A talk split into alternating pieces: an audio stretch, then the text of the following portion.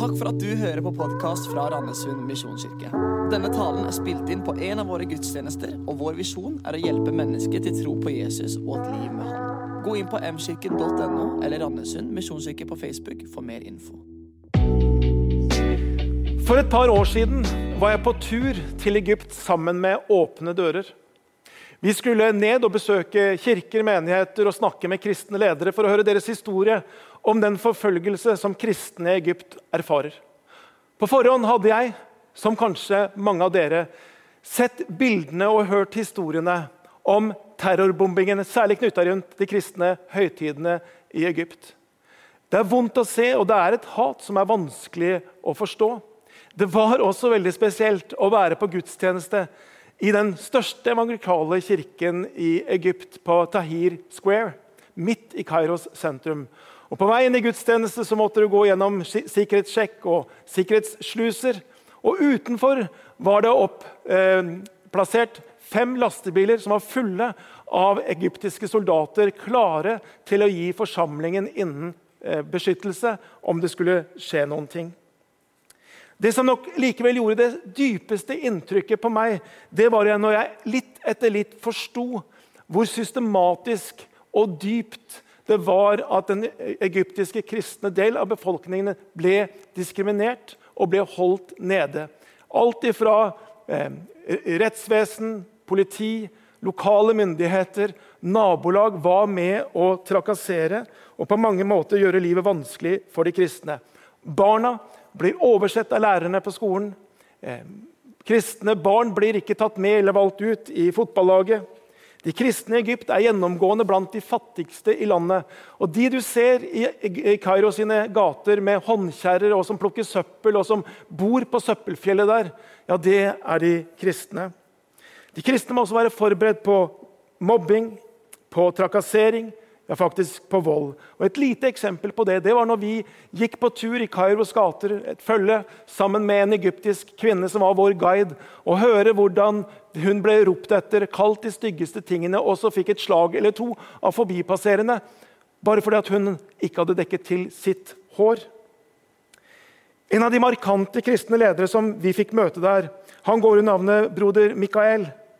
Og Når vi spør han, hva kan vi kristne i Vesten gjøre hva kan vi gjøre for våre egyptiske søsken? Ja, Så er det kanskje hva han ikke sier, som overrasker meg mer enn hva han sier. For han sier ikke at vi skal hjelpe han, eller i hvert fall kan hjelpe hans familie ut av landet.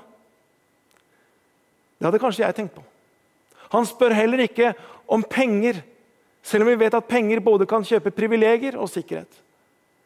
Han spør heller ikke om vi kan utøve politisk press over myndighetene, selv om det noen ganger både er viktig og riktig å gjøre det. Men det han sier, det er dette Kan dere være med og be for oss? Kan dere være med og be for de egyptiske kristne, for kirkene, for pastorene, for de kristne lederne?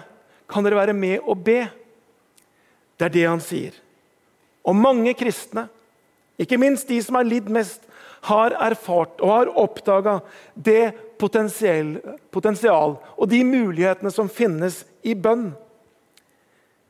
At det er noe som er viktigere enn å tenke på hva jeg kan gjøre, eller hva vi kan gjøre. Og det er å koble seg på Gud og spørre hva han kan gjøre. Viktigere enn å tenke over hvordan kan jeg håndtere denne situasjonen, ja, det er det å legge situasjonen i Guds hender. Og Det er det også som dagens bibeltekst peker på. Vi er inne i en taleserie som eh, vi startet opp første pinsedag, og som vi har kalt 'Kraften'. Sist søndag så talte Roy Elling om kraften i ånd. Om dette fantastiske underet som skjer på pinsedag, og som blir forvandlende. Og I dag så skal vi snakke om kraften i bønn.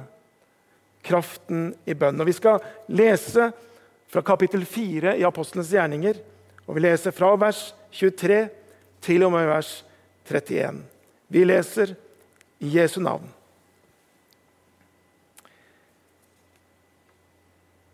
Etter at de var løslatt, gikk de til sine egne og fortalte hva overprestene og de eldste hadde sagt. Da de andre hørte det, ba de til Gud med et sinn og en stemme og sa, Herre, du som skapte himmelen og jorden og havet og alt som er i dem. Du lot Den hellige ånd si dette gjennom din tjener David, vår far. Hvorfor er folkeslagene i opprør? Hvorfor grunner folkene på det som er forgjeves? Jordens konger reiser seg, fyrstene slår seg sammen mot Herren og Hans salvede. Ja, i denne byen slo de seg sammen mot din hellige tjener Jesus, som du salvet. Både Herodes og Pontus Pilatus, sammen med hedningfolkene og Israels stammer. Alle har de gjort det som du ved din hånd og din vilje hadde bestemt skulle skje. Og nå, Herre, hold øye med truslene deres, og la dine tjenere tale ditt ord med frimodighet. Rekk ut din hånd, så det skjer helbredelser og tegn og under ved navnet til Jesus, din tjener. Da, ble, da de hadde bedt, skal sted der de var samlet. De ble alle fylt av Den hellige ånd og talte Guds ord med frimodighet. I Jesu navn. Amen. I versene før denne teksten så kan vi lese om hvordan Peter og Johannes blir arrestert fordi de har helbredet en som er syk. Og Så blir det oppstuss, og så benytter de muligheten til å forkynne evangeliet om at Jesus har stått opp fra de døde. Da blir de jødiske lederne de blir livredde, og de blir rasende.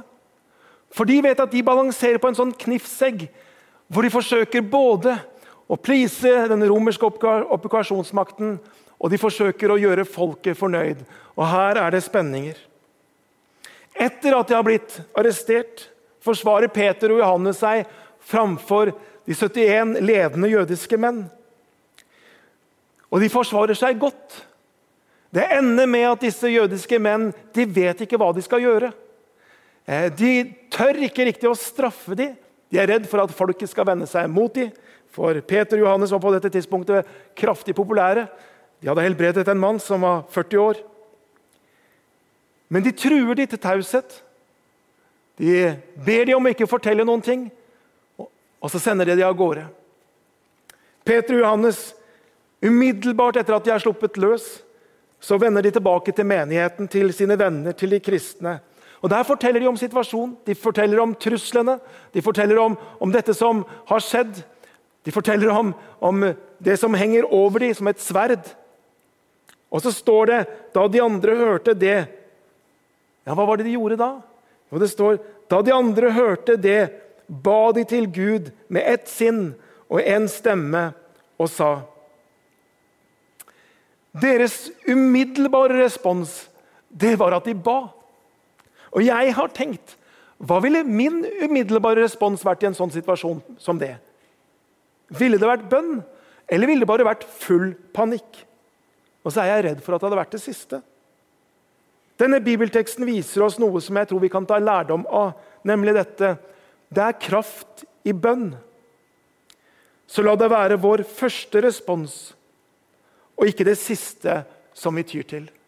Det er kraft i bønn, så la det være vår første respons, og ikke det siste vi tyr til. Og Det er det første som jeg har lyst til å understreke i dag. For når vi møter utfordringer i våre liv. Når vi møter krisen, når vi opplever ulike former for tap, hva gjør vi da? Mange av oss fikk kanskje en reality-sjekk på det 12. mars, da Norge stengte ned og vi ikke visste hvordan ting skulle utvikle seg.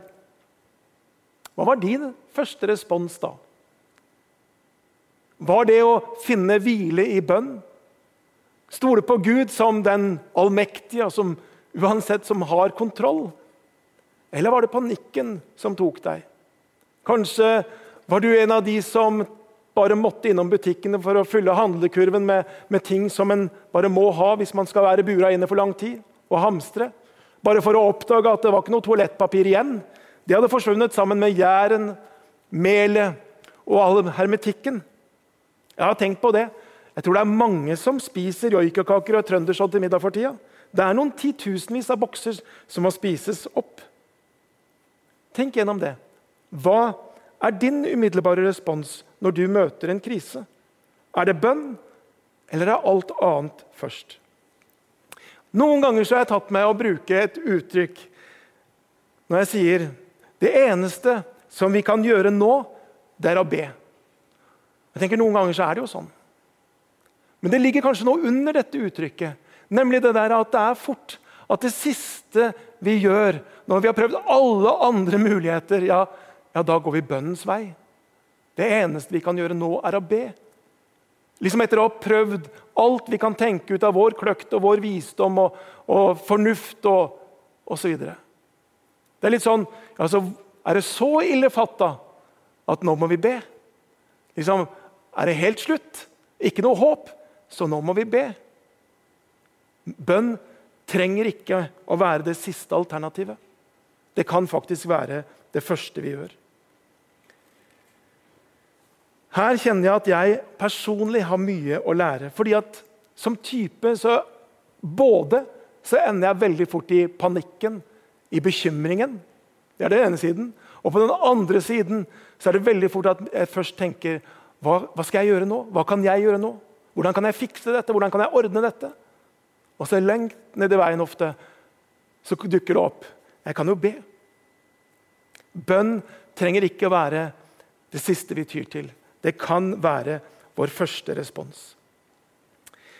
Og så er det interessant også å se hvordan de ber, nettopp i den situasjonen de er i. De ser billedlig talt rett inn i løpet på et våpen. De opplever situasjonen som truende, som kritisk. Og de vet at disse truslene ikke er tomme ord. Jeg mener, Det er ikke lenge siden de har sett Jesus både ble dømt og korsfesta uskyldig. Og Det er slike tanker og slike følelser som jeg tror de strever med der de sitter. De vet at dette er på ramme alvor. Og Likevel er det ikke panikk og frykt som karakteriserer bønnen de ber. Tvert imot. Bønnen starter med en bekjennelse av Guds allmakt. Det står det i vers 24. Herre, du som skaper himmel og jord og havet og alt som er i den. En bekjennelse av Gud som skaper av himmel og jord. Det er pris og ikke panikk som denne bønnen uttrykker. Det er bekjennelse og ikke bekymring som løftes opp. Og Min erfaring er at dette er en nøkkel. Det er en hemmelighet. Men det er en hemmelighet jeg trenger å lære igjen og igjen. Men det er altså en nøkkel til frihet fra bekymring. Frihet fra frykten tar meg. Istedenfor å fortelle Gud hvor store mine bekymringer er, så trenger jeg å fortelle mine bekymringer hvor stor Gud er. Og det er ikke som en virkelighetsflukt. Det er ingen fortrengning, men det er en realitetsorientering. For det er det som er sant. Han er skaper av himmel og jord, bekjente de. Og han er uendelig mye større enn alle mine problemer og alle mine bekymringer. Han er mektig til å forme hele universet han holder det hele i sin hånd. Og Da kan han også håndtere det jeg er redd for, det jeg engster meg for, det jeg er bekymra for. Og Jesus han peker på at vi har en slik far i himmelen, som er mektig, allmektig på denne måten. Og Samtidig så er han vår far, som elsker oss. Da kan vi plassere våre liv trygt i hans hender. I dette å bekjenne hvem Gud er, så tenker jeg at både de gamle, slitesterke salmene, men også de moderne lovsangene hjelper oss til det. Til å bekjenne hvem Gud er. Og Det er det andre jeg har lyst til å understreke i dag. Det er dette at det er kraft i bønn fordi Gud er Gud. Det er kraft i bønn fordi Gud er Gud. Det er ikke kraft i bønn fordi at jeg ber fint, eller fordi at at jeg ber høyt eller at jeg ber spesielt salvelsesfullt. Det er ikke der kraften er, men kraften er i fordi den er retta mot Han som er den allmektige Gud Fader. I bønnen i den teksten som vi deler her i dag, så fortsetter det med en klage om hvordan jordens konger og fyrster slår seg sammen mot Herren og hans salvede. Og hvordan Herodes og Pontus Pilatus hvordan de samarbeidet for å slo seg sammen mot Jesus og samarbeida om hans død. Men så kommer bekjennelsen, og det er veldig interessant. Det som står her. Det står alle har de gjort det som du ved din hånd og din vilje hadde bestemt skulle skje. Det som skjedde på korset, ja, det var altså Guds vilje. Det så absolutt ikke slik ut når Jesus ble korsfesta. Det så ut som det fullstendige nederlag. Det så ut som kaos. Og så sier dette nei, det var ikke sånn. Det var Guds vilje. Med andre ord Gud har kontroll. Det kan se ut som opprør og kaos, men Gud har kontroll. Det kan se ut som tap og nederlag, men Gud har kontroll. Og det var dette som de første kristne stolte på. Det er litt sånn, Uansett hva som skjer med oss, så kan vi stole på og legge våre hender i Guds hånd fordi at han har kontroll på en eller annen måte. Som vi synger i en av de moderne lovsangene, så står det It may look like I'm surrendered, but I'm surrendered by you. Det kan være at det ser ut som jeg er omringet, men jeg er omgitt av deg, Gud. Og så betyr jo ikke det at alt som skjer i denne verden, er Guds vilje. Og igjen og igjen kan vi konstatere at det er mye som er meningsløst. Og Det er ikke godt, alt som skjer. Vi møter både det gode og det vonde.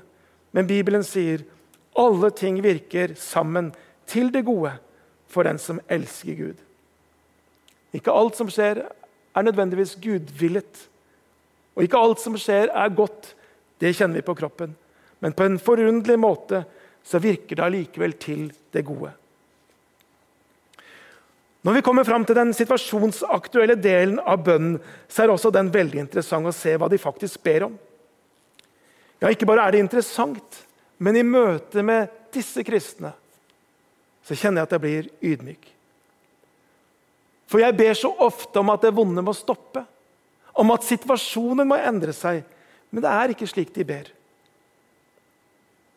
De ber, vers 29, Og nå, Herre, hold øye med truslene deres, og la dine tjenere tale ditt ord med frimodighet.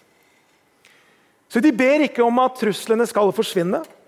De ber ikke om at det vanskelige skal bli borte, at situasjonen skal endre seg. Ja, De ber om at Gud skal holde øye med det. Men det de ber om, det er at de skal få lov til å tale Guds ord med frimodighet. At de ikke må miste frimodigheten. At de må få lov til å få kraft og styrke til å stå midt i alt dette som er vanskelig og truende. Og så ber de om én ting til. Vers 30. Rekk ut din hånd, så det skjer helbredelser og tegn og under ved navnet til Jesus, din hellige tjener. De ber om at Gud skal bekrefte sitt ord. De ber om at Guds kraft må bli synlig og tydelig når ordet forkynnes. Jeg synes Det er rørende, for de ber ikke om for sine liv. De ber ikke om trygghet. De ber ikke om at, at de skal slippe lidelse, eller de ber ikke om komfort. Men de ber om at Jesu navn skal løftes. De ber om at Guds herlighet må bli synlig i deres tjeneste. Når Peter og Johannes står framfor rådet, ja, så er det to ting de blir anklaga for. Og Det er å ha bedt for en som ble helbreda, og det er å forkynne evangeliet om Jesus Kristus. Og Så blir de trua til å ikke fortelle og til å ikke gjøre noen ting. Og Hva er de ber om frimodighet til? Jo, nettopp det som de ble forbudt å gjøre. Det er det de ber om frimodighet. At denne situasjonen ikke skal hindre dem å være frimodige med sin tro.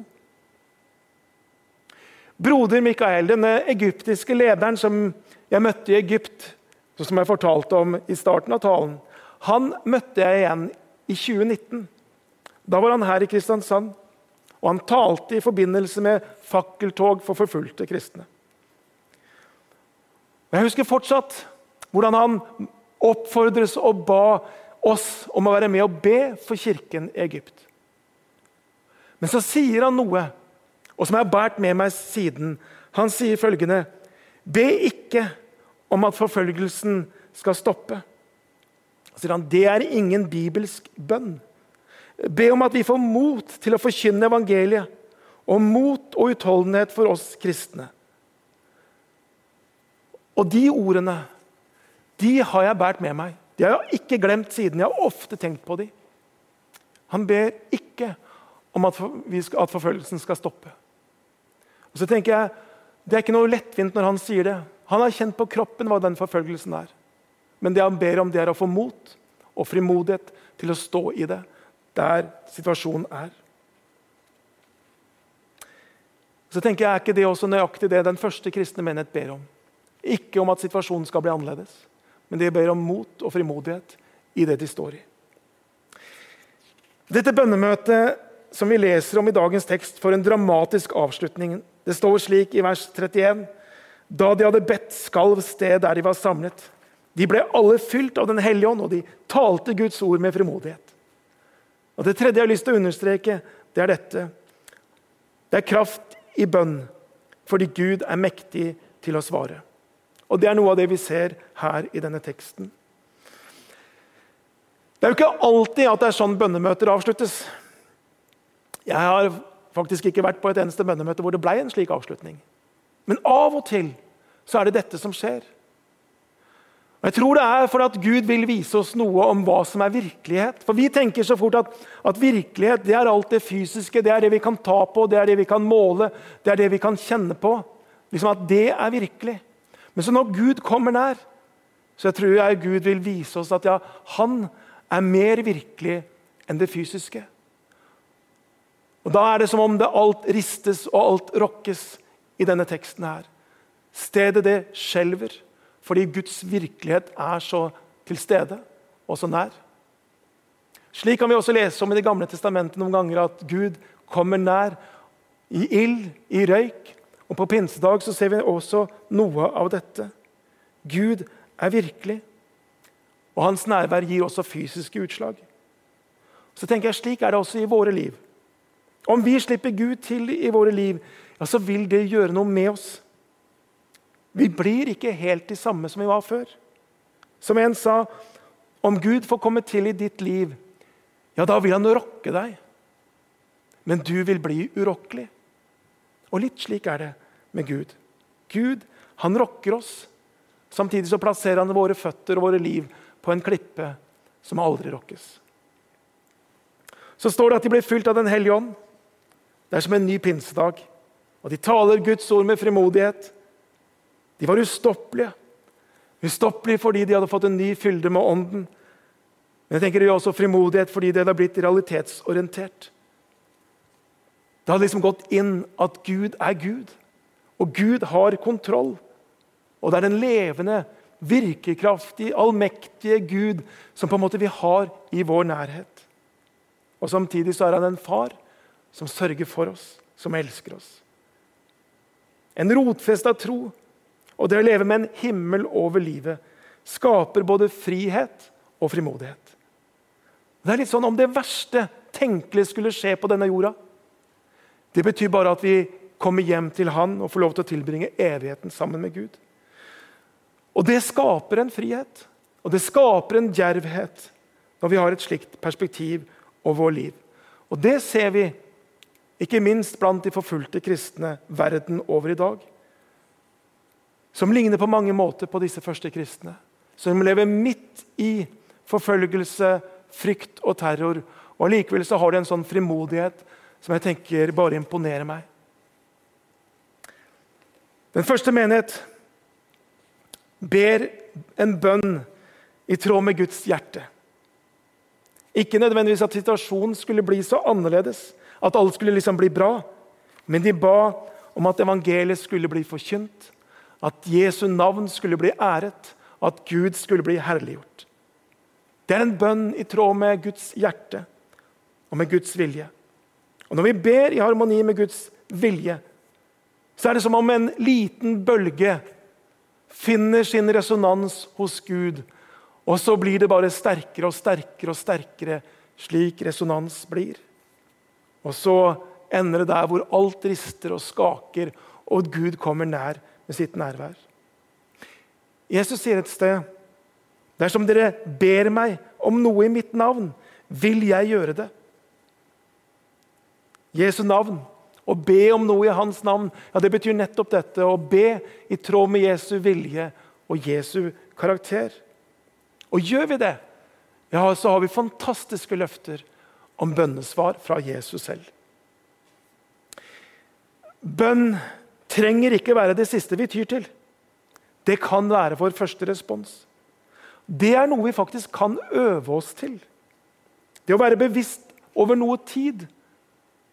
At det første jeg gjør når noe møter meg, ja, det er å be. Gjør vi det bevisst over tid, ja, så vil det etter hvert bli en automatisert reaksjon hos oss.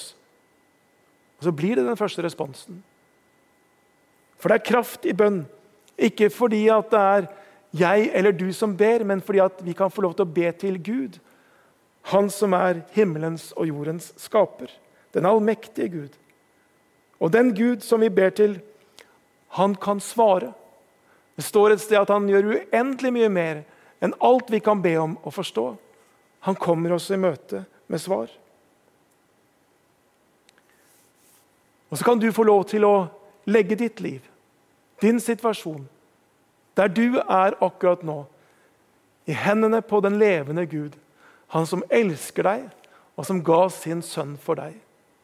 I Jesu navn. Amen.